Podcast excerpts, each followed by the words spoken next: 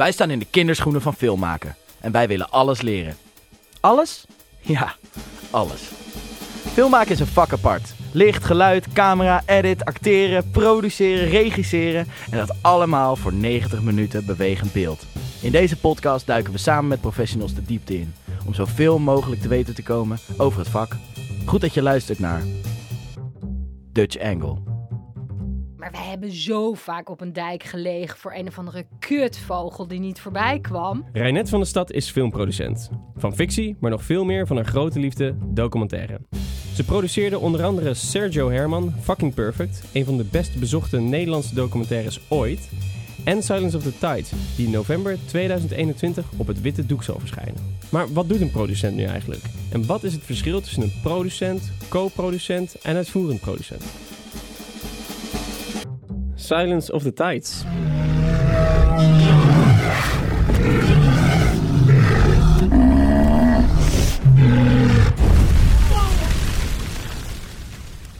Die komt in november 2021 in de bioscoop. Ja, in de Nederlandse bioscopen.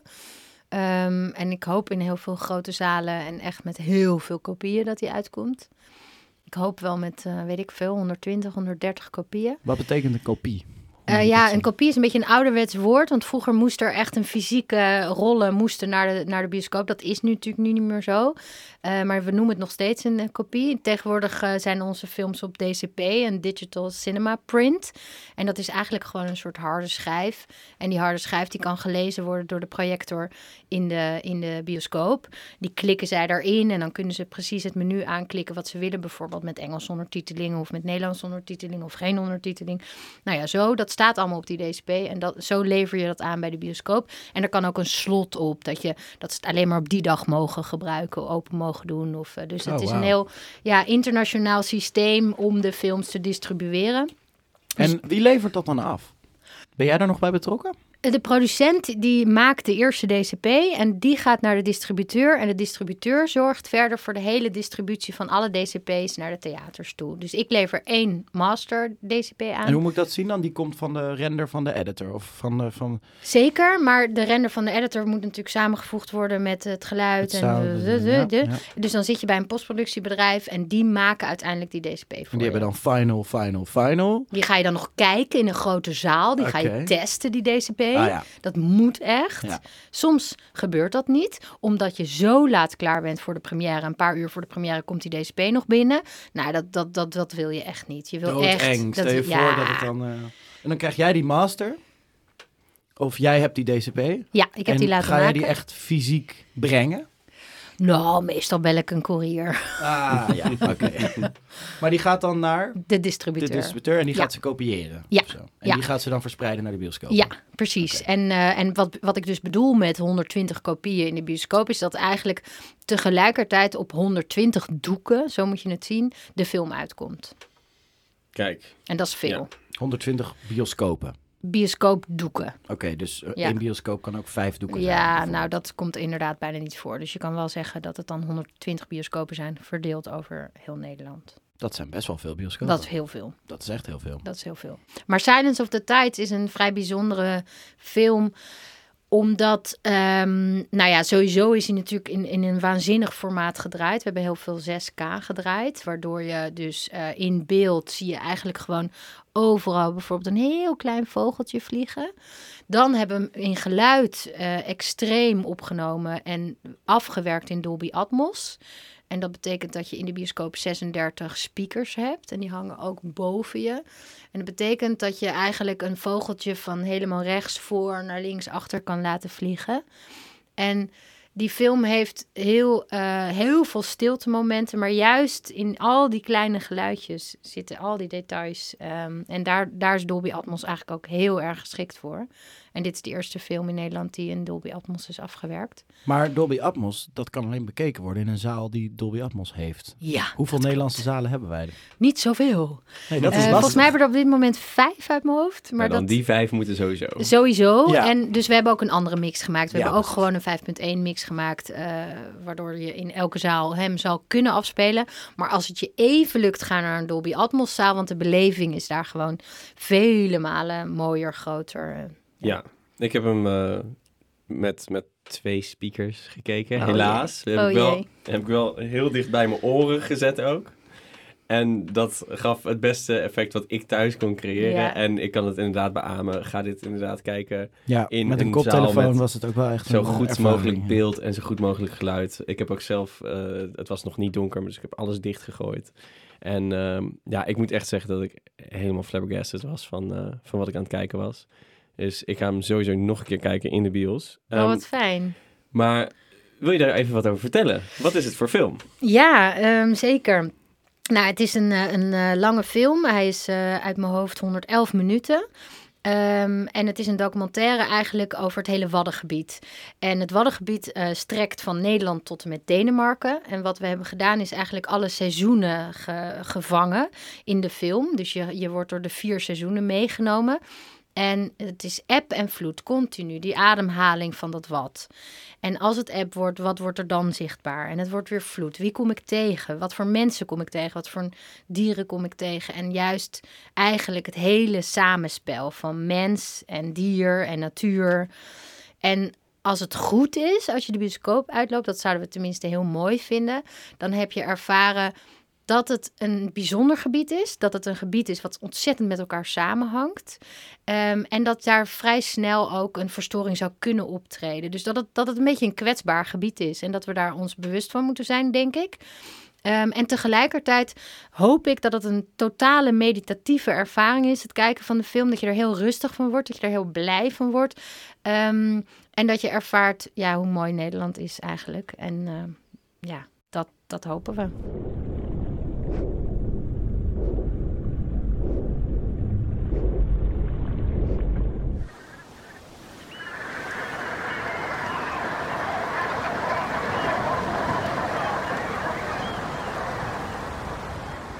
Nou, bij mij is het echt absoluut gelukt. Ehm, en dat vind ik wel interessant, want jij stuurde inderdaad een kleine beschrijving. Het is een meditatieve film over de ademhaling van het wat. En ik moet heel eerlijk bekennen, toen ik dat las, dacht ik van... wow, dan is 1 uur 40 minuten dus wel echt lang. Eh, maar eigenlijk was ik bij, bij, bij beeldje 1 was ik al verkocht, omdat het zo mooi was. Eh, ik ben echt een natuurliefhebber en het was echt, ja... eh, ik heb 1 uur 40 minuten helemaal gekluisterd aan de televisie gezeten. En eh, ook heel erg geïnspireerd gemaakt voor, voor, geraakt voor mijn eigen film, hoe ik dat wil gaan schieten. Dus dat is nu ook weer een beetje over de kop gegooid. dat is, eh, Fijn. maar die eerste beschrijving, het wordt een lange film. geen tot weinig muziek, geen voice-over. Mhm. Dat lijkt me best moeilijk te verkopen. Ja, nee, zeker. Maar ehm, het is zo gegaan met deze film. De producent van deze film zag een oproep eh, op bij het Filmfonds. Er, stond een heel klein zinnetje van filmmakers opgeroepen om hun idee in te sturen voor een lange film op de, over de Wadden. Dat was de oproep. En die was vlak voor kerst uitgeschreven. En ja, een aantal producenten hebben dat gezien, maar heel veel producenten ook niet. Maar deze producent, Annemiek van der Hel, echt heel erg goed dat ze dat zag. En ze belde de regisseur met wie ze vaker had gewerkt, Pieter Rim de Kroon, die Hollands Licht heeft gemaakt. En zij dacht, deze oproep past bij deze filmmaker. Nou, dat is dus een van de taken als producent. Dan ben je gewoon echt heel goed bezig. Want dan zie je een oproep, dan bedenk je welke regisseur daarbij hoort. En, je gaat, eh, en, en Pieter Rim is aan de haal gegaan met, dat, met die vraag van het filmfonds van schrijf een idee. En eigenlijk was zijn idee zo beknopt, namelijk precies wat jij nu zegt, zonder voice-over, zonder muziek. Eh, we gaan de ademhaling van het wat in alle seizoenen laten zien. Ehm, en daarmee won hij die pitch.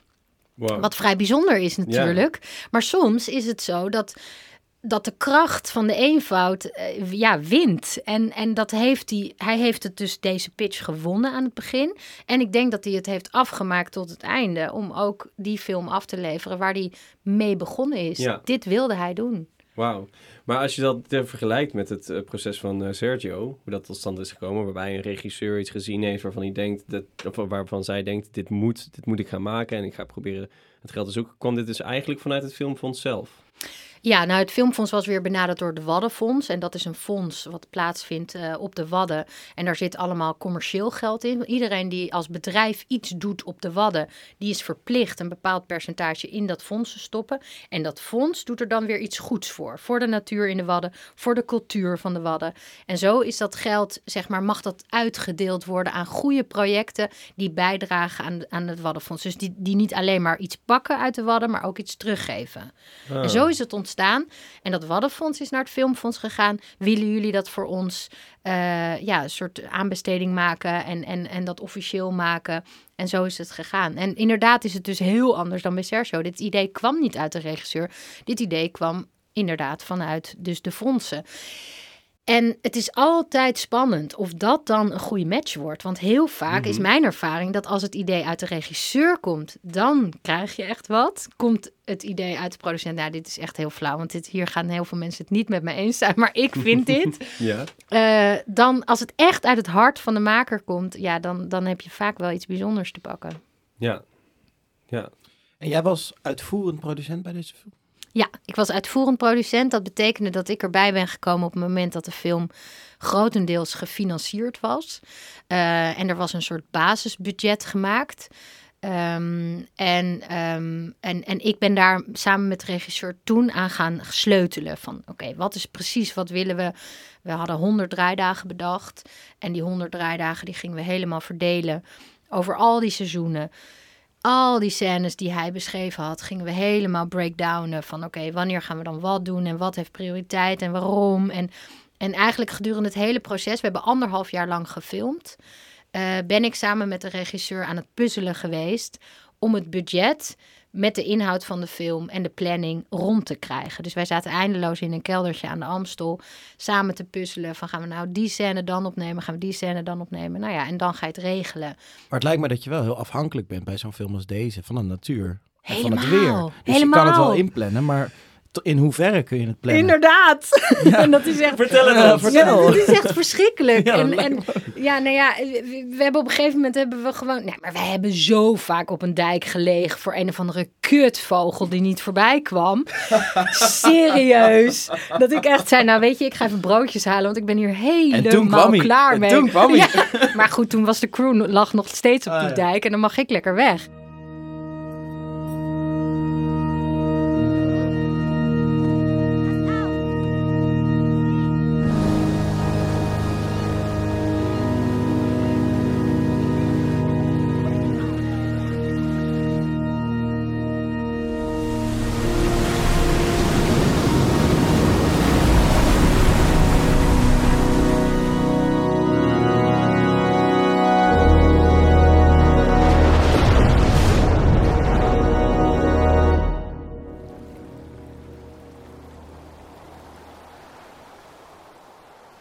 Want ik ga mee met draaien als uitvoerend producent. Dat is ook een van de dingen bij documentaires ja, die ik gewoon heel erg leuk vind om te doen. Dus ik ga elke draaidag het liefst eh, mee. Soms kan het niet, maar meestal ga ik mee. En ehm, ja, eigenlijk wat ik dan op de set doe, is eh, dat, ik, dat ik de randvoorwaarden creëer. Dus ik zorg voor het hotel, ik zorg voor het vervoer, ik bedenk wanneer wie waar moet zijn. Ehm, maar je hebt helemaal gelijk. En dan komt het weer. en die gooit mijn hele briljante planning in de war. Ja, Ja, nou ja. en vechtende zeehonden. ja. Hoe lang lig je daarop te wachten? Nou, we zijn eh, eh, zeven dagen op een eiland geweest waar deze zeehonden waren. En eh, wij hebben daar de cameraman en zijn assistent zijn langer gebleven dan de regisseur en ik. Wij zijn daar volgens mij toen vier dagen geweest of vijf dagen. En zij zijn nog langer gebleven. En ehm, op een gegeven moment. je- je- Kijk, zij, de film, eh, de cameraman van deze film, eh, Dick Harrewijn, heeft eerder ook gewerkt aan ehm, eh, de Nieuwe Wildernis, onder andere. Hij Ja. is echt een natuurfilmer. En hij weet alles van dieren. Zijn cameraassistent ook weet alles van de natuur, weet alles van dieren. En heeft dus heel snel in de gaten hoe die dieren bewegen. Wanneer ze wat doen, spreekt heel veel met die natuurbewakers, weet je wel, die mensen die dat ook allemaal, die daar de hele dag zijn. Dus, dus die hebben vrij snel hun informatie op orde wanneer er dat soort gevechten plaatsvinden. En dan nog, Dat staat binnenkort uh, gevechtsflyertje van, eh, van die tegen die. ja Op het precies. Noorderstrand, be there. Wie daar? 10 nou, zij liggen daar. entree. Ja, en dan, en, dan, en dan gebeurt het natuurlijk toch niet. Maar zij weten Nee. wel redelijk... Nee, tuurlijk precies, niet. Nee. Maar zij weten wel redelijk wat ze... Wat, weet je wel? Maar dan nog Maar is dit, het dit zijn dus eigenlijk de allerbeste mensen die je voor dit kan hebben. Absoluut. Die weten, het zijn eigenlijk gewoon biologen met een camera. Absoluut, absoluut. En dan, zelfs dan... Precies, en dan is het de combinatie tussen deze enorme natuurfreaks aan de ene kant, het technische team, en aan de andere kant Pieter Rim de Kroon, die echt een verhalenverteller is, maar ook een cinematograaf in hart en nieren zelf, ook cameraman. Echt een filmliefhebber, ook gewoon, hij draait het liefst op film. Deze film hebben we niet op film gedraaid, maar dat, eh, dat hebben we nog wel even over gehad, maar hebben we niet gedaan. En ik denk dat het ook goed is, omdat we inderdaad uren, uren, uren ergens moeten liggen. Nou ja, dat is Ja. gewoon niet haalbaar. Ehm, dus we hebben voor digitaal gekozen. Maar die combinatie eigenlijk tussen die natuur en die enorme verhalenverteller met die cinematografie heeft dit opgeleverd. En een heel groot budget. Ja, en het was een heel groot budget. Yep. Oké, en, grootste documentaire budget eh, tot nu toe. In en waar gaat het dan of, aan, eh, aan op? Gaat het dan op aan de hoeveelheid draaidagen of ook aan de hoeveelheid crew? Ja, eigenlijk, eh, nou ja, dat, dat gaat eh, hand in hand. Eh, dus het aantal draaidagen, dan moet dus de crew er ook zijn. hoe, wa- wat voor crew? Hoeveel mensen waren het? D- dit waren dus weer vijf mensen. Vijf Dus dan mensen, heb keer je- 100 Ja. draaidagen. Nou, reken uit je winst. Ja. Eh, dus je hebt een regisseur, je hebt een cameraman, je hebt een cameraassistent in dit geval, hadden we altijd bij ons. Je hebt een geluidsman en ik. Dus we waren altijd met z'n vijf op pad. Maar jij bent uitvoerend producent, maar Ja. als uitvoerend producent word je dus ook eigenlijk als crew uitbetaald. Dus een soort van wel nog per dag. Nee, ik, eh, ik heb dan een, eh, een eh, ik had in dit geval een maandsalaris. En dit hebben we trouwens ook afgesproken met de cameraman in dit geval. En ook met de regisseur. Ja, ik ben altijd de koningin van, eh, van, de, van de flat deals, zeg maar. Ik probeer altijd heel snel van oké, we gaan die film samen doen. Cameraman, eh, het zijn ongeveer 33 dagen. Jij verdient dan ongeveer 500 euro per dag, keer 30 dagen. Dus eh, nou ja, wat, wat, wat, wat, wat is dat totaalbedragje? En dan probeer ik op een soort totaalsom te komen. En daar wil ik het gewoon voor doen. Daar wil ik het contract voor maken. Waarom? Omdat ik eigenlijk wil, en bij Sergio was dat natuurlijk zeker zo, midden in de nacht draaien, 's ochtends vroeg opstaan. Echt, no way dat het binnen acht uur allemaal netjes eh, binnen de rijtijden valt, zeg maar. Dus Nou, bij het lijkt me ook documentaire... wel fijn om gewoon op een rijtje te hebben dat je echt weet wat alles gaat kosten. Precies, ik Dat wil dat. prettig. Ik wil Ja, dat. dat snap ik, Ik probeer dat altijd als Ja. producent, omdat daarmee zo min mogelijk verrassingen voor mij erin zitten. Maar geluidsman gaat dat niet doen, denk ik. Nou ja, dat, dat ligt aan de lengte van het, eh, van het eh, project. Maar je hebt helemaal gelijk. Bij de meeste documentaires kan het voor geluid niet. Waarom? Omdat die heel vaak toch wisselen. Omdat die zich niet zo committeren aan een film zoals een regisseur of zoals een cameraman ja. doet. Ik wil niet wisselen van cameraman in een documentaire. Nee, dat is ook wel echt een andere wissel dan een Ja, geluidsman, denk ja, ik. ja, er zijn documentaires waar dat prima bij kan hoor. En, eh, maar de, de films die ik meestal heb gemaakt, hebben echt met één cameraman gewerkt. En, ehm, eh, en dan wilde ik gewoon een deal maken. Ja. En voor jezelf maak je ook zo'n deal. En dan ga ik ook niet meer zeiken over al die uren en zo. Dat vind ik ook helemaal niet erg dan. Nee. Ik, ik vind dat ook fijn werken, want dan kan je je helemaal overgeven. Je verdient genoeg, maar je hoeft niet ieder uurtje bij te houden. En dat geldt dan voor de hele crew. Het lijkt me ook vervelend, werken. Ja, Als iedereen net het bezig is met, "Ah, ik moet wel op tijd eten en zo. En, Ja. eh, ik wil Ja, Ja. dat is wel een groot verschil met fictie, denk ik. Want bij, Ja. bij fictie heb je vaak een paar mensen die een deal hebben en de rest die, die gaat per uur. En daar is inderdaad ook het, gewoon het onderwerp overuren. Wordt gewoon, dat, daar gaat het heel veel over. En elk uur dat je over overuren aan het praten bent, ben je niet bezig met het mooiste film maken. Ja, Ja. en dan kan een Ja. opnameleider, als die een vast contract heeft, dan zou die veel sneller zeggen, oké, het is wel goed zo. maar dan komt dus de uitvoerend producenten set op en die zegt stop, stop, nu stoppen, want ik wil die overuren niet. Ja. Ja. Want wij Ja. flippen de pan uit van overuren. Ja. Want dat is een van mijn grootste nachtmerries. En daarom, ik doe wel soms fictiefilms. Maar ja, overuren is dan echt een heel groot ding. Ja, en bij documentaires is, zijn overuren eigenlijk gewoon... Elke dag heb je overuren, altijd. Maar we zijn maar met z'n vijven. Ja. Ehm, en, Ja, en ja, Kijk, verschil. dat is ook een van de taken als ik op de set ben. Ik zorg echt wel dat er lekker eten is, bijvoorbeeld. Ik hou zelf heel erg van lekker eten. Eh, dus ik ga altijd op zoek naar lekker eten. En ik probeer mijn crew echt enorm te paaien met, met goede Mhm. salades en gezonde dingen. En waar ze gewoon blij van worden. Ja, want er En- is geen catering, zoals bij Nee, fictie. er is geen Dus catering. ben jij daar verantwoordelijk voor? Ja, ik doe dat. Oké, vertel, dat. hoe ziet zo'n dag eruit? Jullie zitten daar op, Draaidag, laten we... 73. Ja. Je staat besneeuwd op het strand. Ja, er liggen nou ja, vier zeehonden en ze doen niks. Wat heb jij allemaal gedaan vandaag? Ja, we beginnen bij wakker worden. Ja, we beginnen bij wakker worden. Nou, meestal slapen we in een hotel. Ehm, en dan kunnen we gelukkig ontbijten in het hotel. En eh, het is eigenlijk altijd zo dat wij niet op de normale tijden van het, van het ontbijt willen ontbijten. Wij willen altijd eerder. Wij willen altijd om zes uur 's ochtends ontbijten of om, eh, of om half zes of zoiets. Dus dat regel ik. Ik regel altijd dat wij eerder kunnen ontbijten. Onze dagen beginnen vaak in de natuur heel vroeg. Soms draaien we ook s'nachts en gaan we dan weer even slapen. En nou ja, weet je wel zo.